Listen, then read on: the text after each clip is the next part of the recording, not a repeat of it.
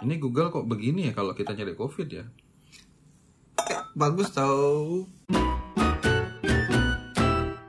tahu gak eh, ada temenku nge-share video Hmm. tapi bukan di Google sih di Instagram ini Hmm. di Blur dia nge-share soal rapid test gitu tentang rapid test test di Blur ya, false information Oh. jadi memang agak ketat sih informasinya Oke, balik lagi di podcast dari tengah bersama saya Bela Nusantara dan Gedi Mahardika. em, masih tentang COVID, tapi kita agak mundur sedikit tentang sebenarnya COVID-19 itu mematikan gak sih? Nah sebelum sebelum ke sana sebenarnya aku pengen narik lagi sebenarnya pemberitaan beberapa waktu lalu. Kan kita kayak ngedenger ya si dokter Terawan atau Menteri Kesehatan tuh awalnya kan kayak gampangin ya. COVID-19 sudah sembuh sendiri COVID-19 bukan penyakit yang mematikan dan seterusnya karena dianggap sebagai yang mematikan yang yang hanya membunuh pada rentang usia tertentu dan memang memiliki riwayat penyakit kan gitu.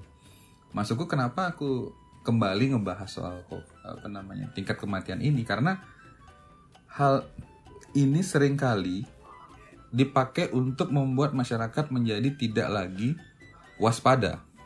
hmm. Nah, kenapa udah hubungannya? Contoh gak gini. Ini nyambung soal konspirasi episode yang sebelumnya ya. Jadi banyak sekali orang bilang, bro, tingkat kematian DB itu lebih tinggi kok dibandingkan COVID-19. Atau mungkin tingkat kematian akibat kecelakaan di jalan. Mungkin tingkat kematian dibandingkan penyakit-penyakit lainnya yang flu misalkan. Jadi sering kali COVID-19 ini dianggap ah udahlah nggak usah parno gitu loh. Ya emang gitu. Dari awal kan udah dibilang sebenarnya kan COVID-19 ini bahkan dibandingkan Ebola ya itu jauh lebih rendah tingkat kematiannya. Cuman problemnya adalah COVID-19 ini adalah em, dia menyerang sistem kesehatan. Bayangin coba misalkan satu wilayah nih anggap Bali misalkan. Dia punya daya dukung kamar yang eh, seribu misalkan kamar rumah sakit lo ya. Tahu-tahu misalkan dalam satu malam ada 2000. Nah, taruh di mana ini orang? Nah, sebenarnya makanya kenapa eh, eh, dunia sebenarnya dunia yang nggak cuman Indonesia kaget dengan COVID-19 ini karena kenapa? Ya daya eh, daya dukungnya meledak gitu loh. Sampai Cina tuh bikin rumah sakit sendiri kan itu sebenarnya eh, yang di sistem kesehatan sih yang sebenarnya diserang oleh COVID-19 kalau menurutku. Hmm. Nah itu alasanku Get kenapa aku pengen nah, eh, membongkar lagi. Sebenarnya ya emang gitu loh. COVID-19 itu memang tidak setinggi DB demam berdarah. Tapi kan bayangin kalau misalkan orang akhirnya Hmm. tidak waspada lagi tidak pakai masker lagi tidak jaga jarak lagi bayangin tuh rumah sakit penuh. Nah, gitu. Hmm.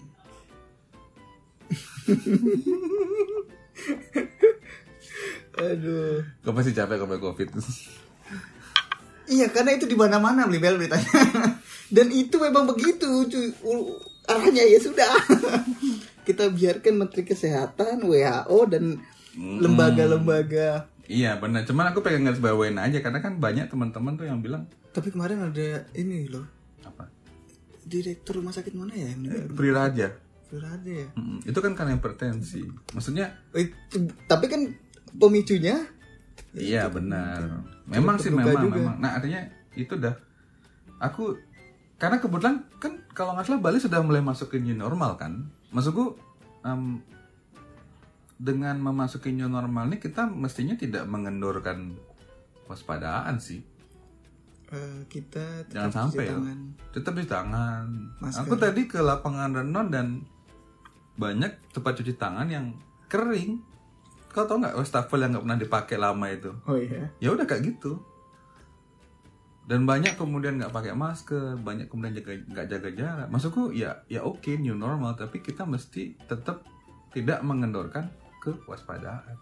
Hmm. Nah, aku harapnya sih gitu bahwa kemudian tingkat kematian tidak setinggi demam berdarah, tapi jangan sampai juga kita mengendorkan.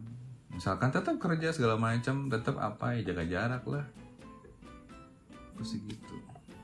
Oke, itu Oke. cuma garis highlight aja sih sebenarnya. Alat lagi. Uh, uh, mudah-mudahan para pendengar paham alasannya kenapa kita ngebahas lagi ini. Oke, itu dulu dari kami dari tengah podcast. Saya Benar Nusantara dan Gedi Mardika Yedi Madika. Kita masih belum punya IG. nggak pakai G sendiri Bella Nusantara dan Gedi. ada satu Gedi Mardika Nanti kita mesti bikin gitu.